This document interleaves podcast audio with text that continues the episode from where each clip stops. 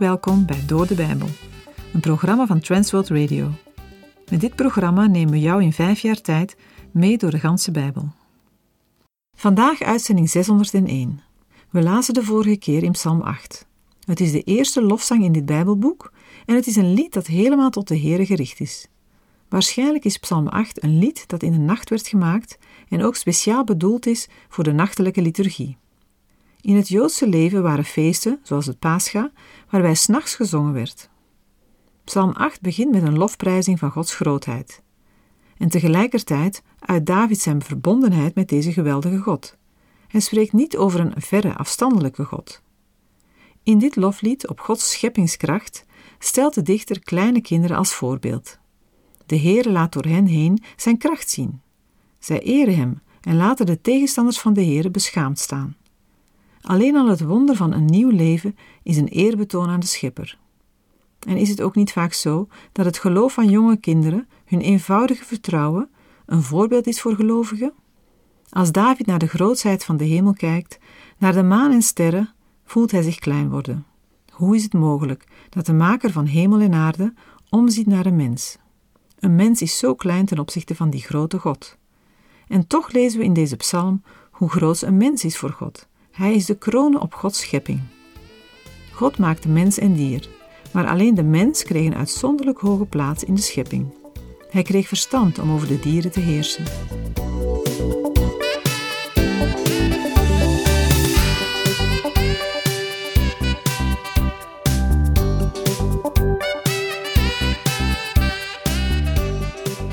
Het karakter van Psalm 9 kan zowel gezien worden als een danklied, zoals de aanhef doet vermoeden, maar ook als een roep om hulp, waarin wordt verwezen op eerder ingrijpen van de Heer.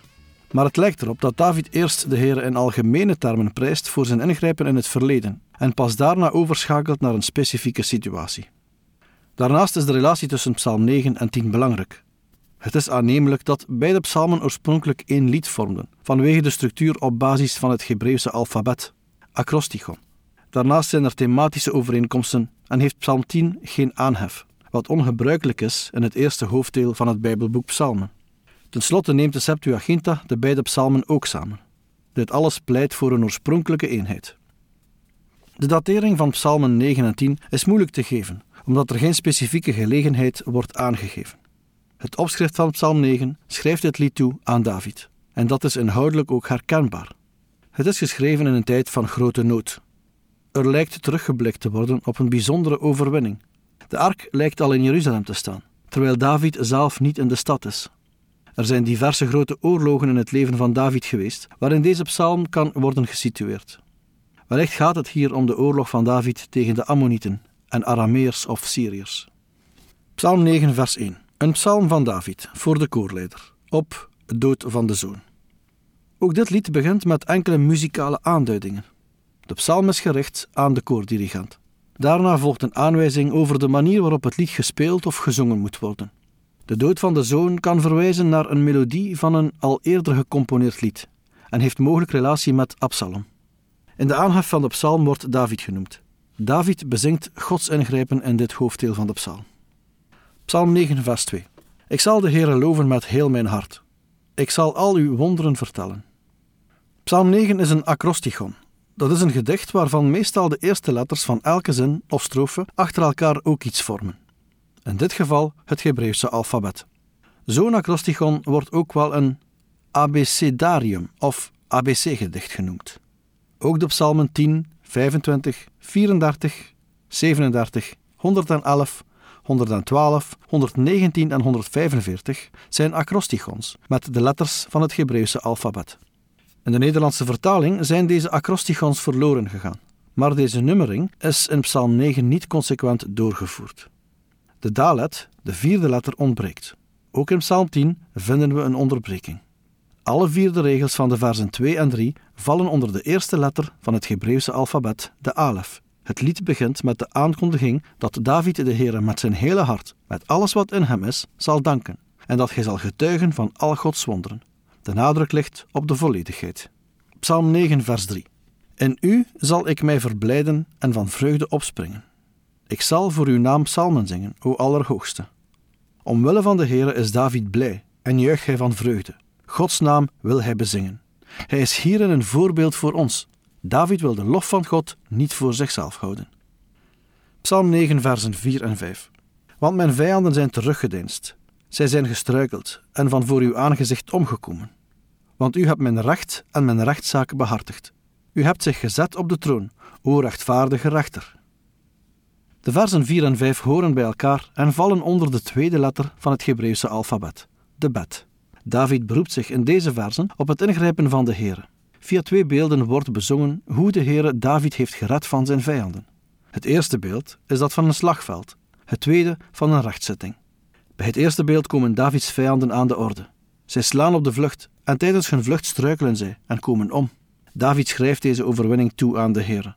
Daarna laat David het beeld van het slagveld los en verplaatst het naar een troonzaal waar recht wordt gesproken. De Heer heeft namelijk eerherstel bewerkt en vanaf zijn troon het recht laten zegevieren.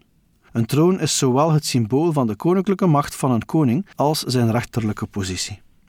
Psalm 9, vers 6. U hebt de heidenvolken bestraft, de goddelozen omgebracht, hun naam uitgewist, voor eeuwig en altijd. Dit vers begint met de derde letter van het Hebreeuwse alfabet, de Gimel. In dit vers worden de daden van de Heer in het verleden beschreven. Centraal staat het verdwijnen van de herinnering aan de vijand of goddeloze. De Heere heeft in zijn oordeel zowel volken als individuele personen aangesproken. Daarmee gaat David verder op het beeld van de rechtszaak. Zelfs de namen van de daders worden uitgewist. Dat wil zeggen dat de herinnering aan hen, hoe groots ook, verdwenen is. Daarbij kan gedacht worden aan de verlossing uit Egypte en de reis door de woestijn. Toen zijn de vijanden blijvend vernietigd. Psalm 9, vers 7. O vijand, zijn de verwoestingen voor altijd voltooid? Hebt u steden weggerukt? Hun nagedachtenis is met hen vergaan. David valt terug op het beeld van het slagveld. Davids vijanden zijn door de Heere verslagen. Hun steden zijn voor eeuwig verwoest. De herinnering aan hen zal vervagen.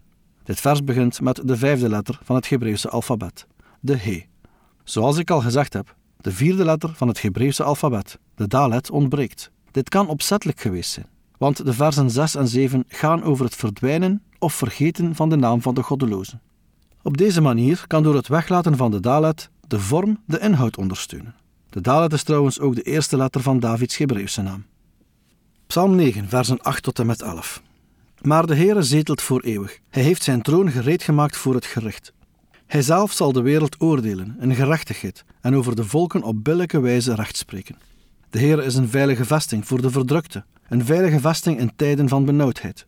Wie uw naam kennen, zullen op u vertrouwen omdat u, heren, niet hebt verlaten wie u zoeken. De zesde letter van het Hebreeuwse alfabet is de wauw. Daarmee beginnen deze versen. De Heere wordt beschreven en geroemd als toevlucht voor iedereen in nood. Ook in Exodus 15, vers 18 lezen we over de verzekering dat de Heere eeuwig op de troon zit. Daar staat: De Heere zal regeren voor eeuwig en altijd. God heeft zijn troon gereed gemaakt om recht te spreken. Dit rechtspreken van de Heere heeft twee aspecten. Ten eerste is de hele wereld het voorwerp van Gods rechtspraak en regering. Ten tweede gebruikt hij rechtvaardige maatstaven. Wie op hem vertrouwt, wordt niet in de steek gelaten. Psalm 9, versen 12 en 13. Zing psalmen voor de Heere, die te Sion woont. Verkondig onder de volken zijn daden. Want gij eist vergelding voor vergoten bloed. Hij denkt daaraan. Hij vergeet het hulproep van de ellendigen niet. Deze versen beginnen met de zevende letter van het Hebreeuwse alfabet, de Zayin. In het eerste deel roept David zijn hoorders op de Heere te prijzen, die zitting houdt in Jeruzalem, in Sion. In het tweede deel roept hij op om onder de volken de daden van de Heere bekend te maken. Daarmee wordt ook duidelijk dat David niet alle volken tot de vijanden rekent. De reden van deze proclamatie is dat de Heere, die elke moord zal wreken, ook de roep van verdrukten, zwakken en vernederden niet vergeet. Psalm 9, versen 14 en 15. Wees mij genadig, Heere, zie mijn ellende aan mij aangedaan door wie mij haten. U die mij opheft uit de poorten van de dood. Dan zal ik al uw loffelijke daden vertellen. En de poorten van de dochter van Sion. Mij verheugen in uw heil. Hier vinden we de achtste Hebreeuwse letter, de get. Na de lofzang op Gods wereldomvattende rechtspraak verandert David van toon. Hij vraagt of de Heere ziet hoe hij leidt door zijn haters. Het lijkt erop dat David in nood is en niet in Jeruzalem kan terugkeren. David kan nu niet, overeenkomstig zijn verlangen, de Heere lof toezingen. Dit gebruikt hij als argument om de Heere te overtuigen om in te grijpen. Als de Heere David redt, kan hij weer in Jeruzalem vertellen en zingen over zijn roemrijke daden en juichen over zijn redding. Psalm 9, versen 16 en 17. De heidenvolken zonken in het graf dat zij maakten. Hun voeten raakten gevangen in het net dat zij heimelijk spanden. De Heere is bekend geworden. Hij heeft recht gedaan. De goddeloze raakt verstrikt in het werk van zijn eigen handen. Deze versen beginnen met de negende letter van het Hebreeuwse alfabet, de tet. David vertelt opnieuw van de daden van God. Hij gebruikt beelden die bij een overval of de jacht passen. De Heer heeft het vonnis geveld, zodat de slechte mensen in hun eigen daden verstrikt zijn geraakt. Psalm 9, vers 18. De goddelozen keren terug, naar de hel toe, alle heidenvolken die God vergeten. De tiende Hebreeuwse letter, de Jod, markeert vers 18. David identificeert de goddelozen met volken die God vergeten hebben. Dat betekent dat zij in opstand komen tegen de Heer. Psalm 9, versen 19 tot en met 21. Want de arme wordt niet voor altijd vergeten. De hoop van de ellendigen vergaat niet voor eeuwig. Sta op, heren, laat de sterveling zich niet sterk maken. Laat de heidenvolken voor uw aangezicht geoordeeld worden. Heren, jaag hun vrees aan. Laat de heidenvolken weten dat zij stervelingen zijn. Deze versen worden gemarkeerd door de elfde letter van het Hebreeuwse alfabet, de kaf. De vijand zal verdaagd worden, omdat de arme niet voor altijd vergeten wordt en de hoop van de verdrukten niet voor altijd verloren is. De dichter beschreef eerder hoe de Heere plaats had genomen op de troon om recht te spreken. Nu vraagt David aan de Heere om de volken te berechten en te bestraffen, zodat ze niet over God zegevieren. Hij wil dat zij weten dat ze niet meer zijn dan zwakke mensen. Psalm 10, versen 1 tot en met 3.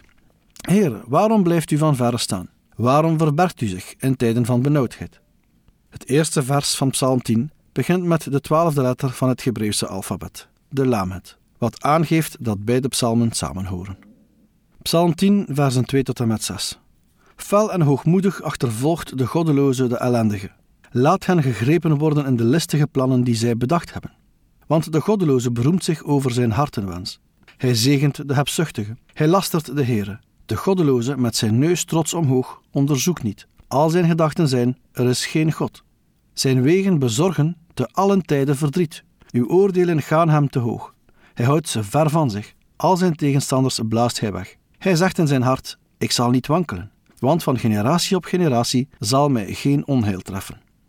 Na Davids pleidooi voor het ingrijpen van de Heere schakelt hij weer om en begint met een klacht.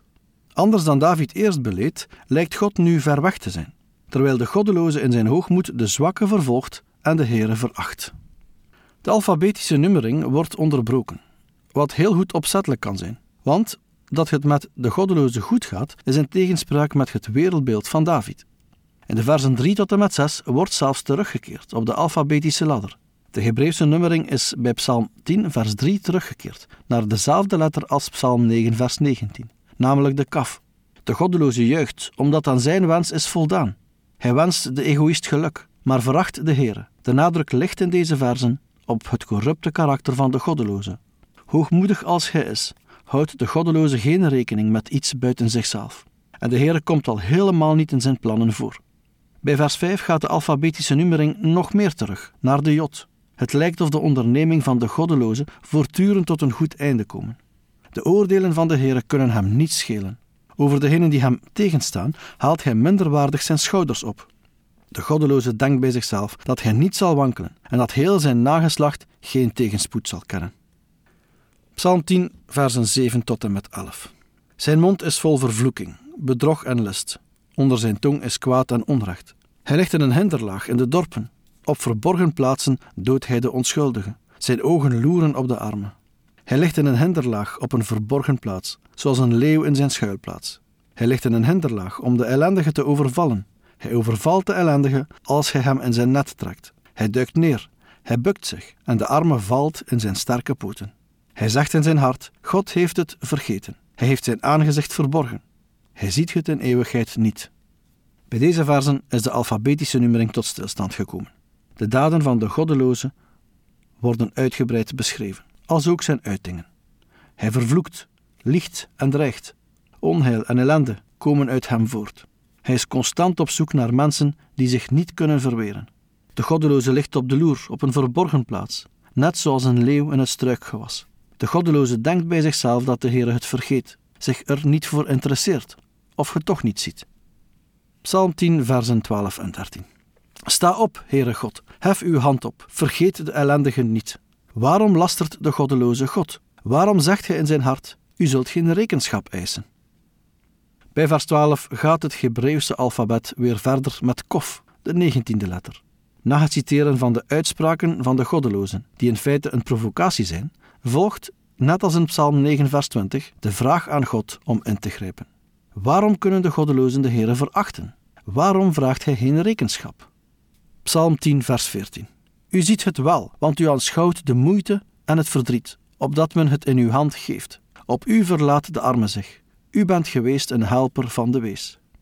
In een lang vers waarin we de twintigste letter, de reis, vinden, beleidt David dat de Heere ellende en verdriet wel degelijk ziet en opmerkt.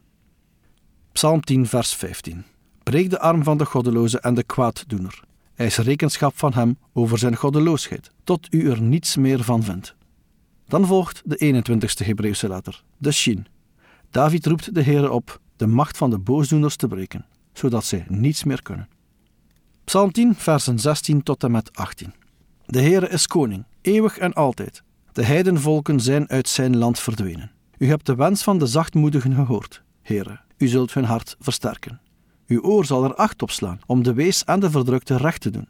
Dan zal een aardse sterveling voortaan geen geweld meer bedrijven. Hier vinden we de laatste letter van het Hebreeuwse alfabet, de 22ste, de touw. De zwakke en de weduwe zullen nooit meer opgejaagd worden, want de Heere grijpt in.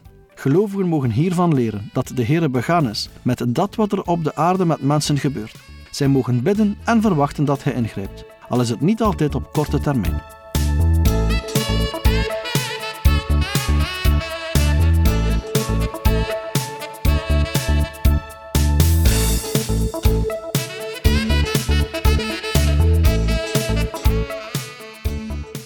U heeft geluisterd naar Door de Bijbel, een programma waarin we in vijf jaar tijd de ganse Bijbel bespreken. De basis voor het programma is de Bijbelstudiereeks van Dr. Vernon McGee, Through the Bible. Deze werd in het Vlaams vertaald en bewerkt door Transworld Radio. U kan elke werkdag naar een nieuwe uitzending luisteren en u kan ook steeds voorbije uitzendingen opnieuw beluisteren of downloaden. Als u wilt reageren op deze uitzending of u heeft vragen, dan kunt u uiteraard contact met ons opnemen. U kan een e-mail sturen naar doordebijbel.twr.be. Verder kan u op onze site terecht, www.twr.be, voor meer info en het beluisteren van onze overige programma's. Dit programma werd gepresenteerd door Patrick Couchement en Anne Notenboom. Wij danken u voor het luisteren en graag tot een volgende keer.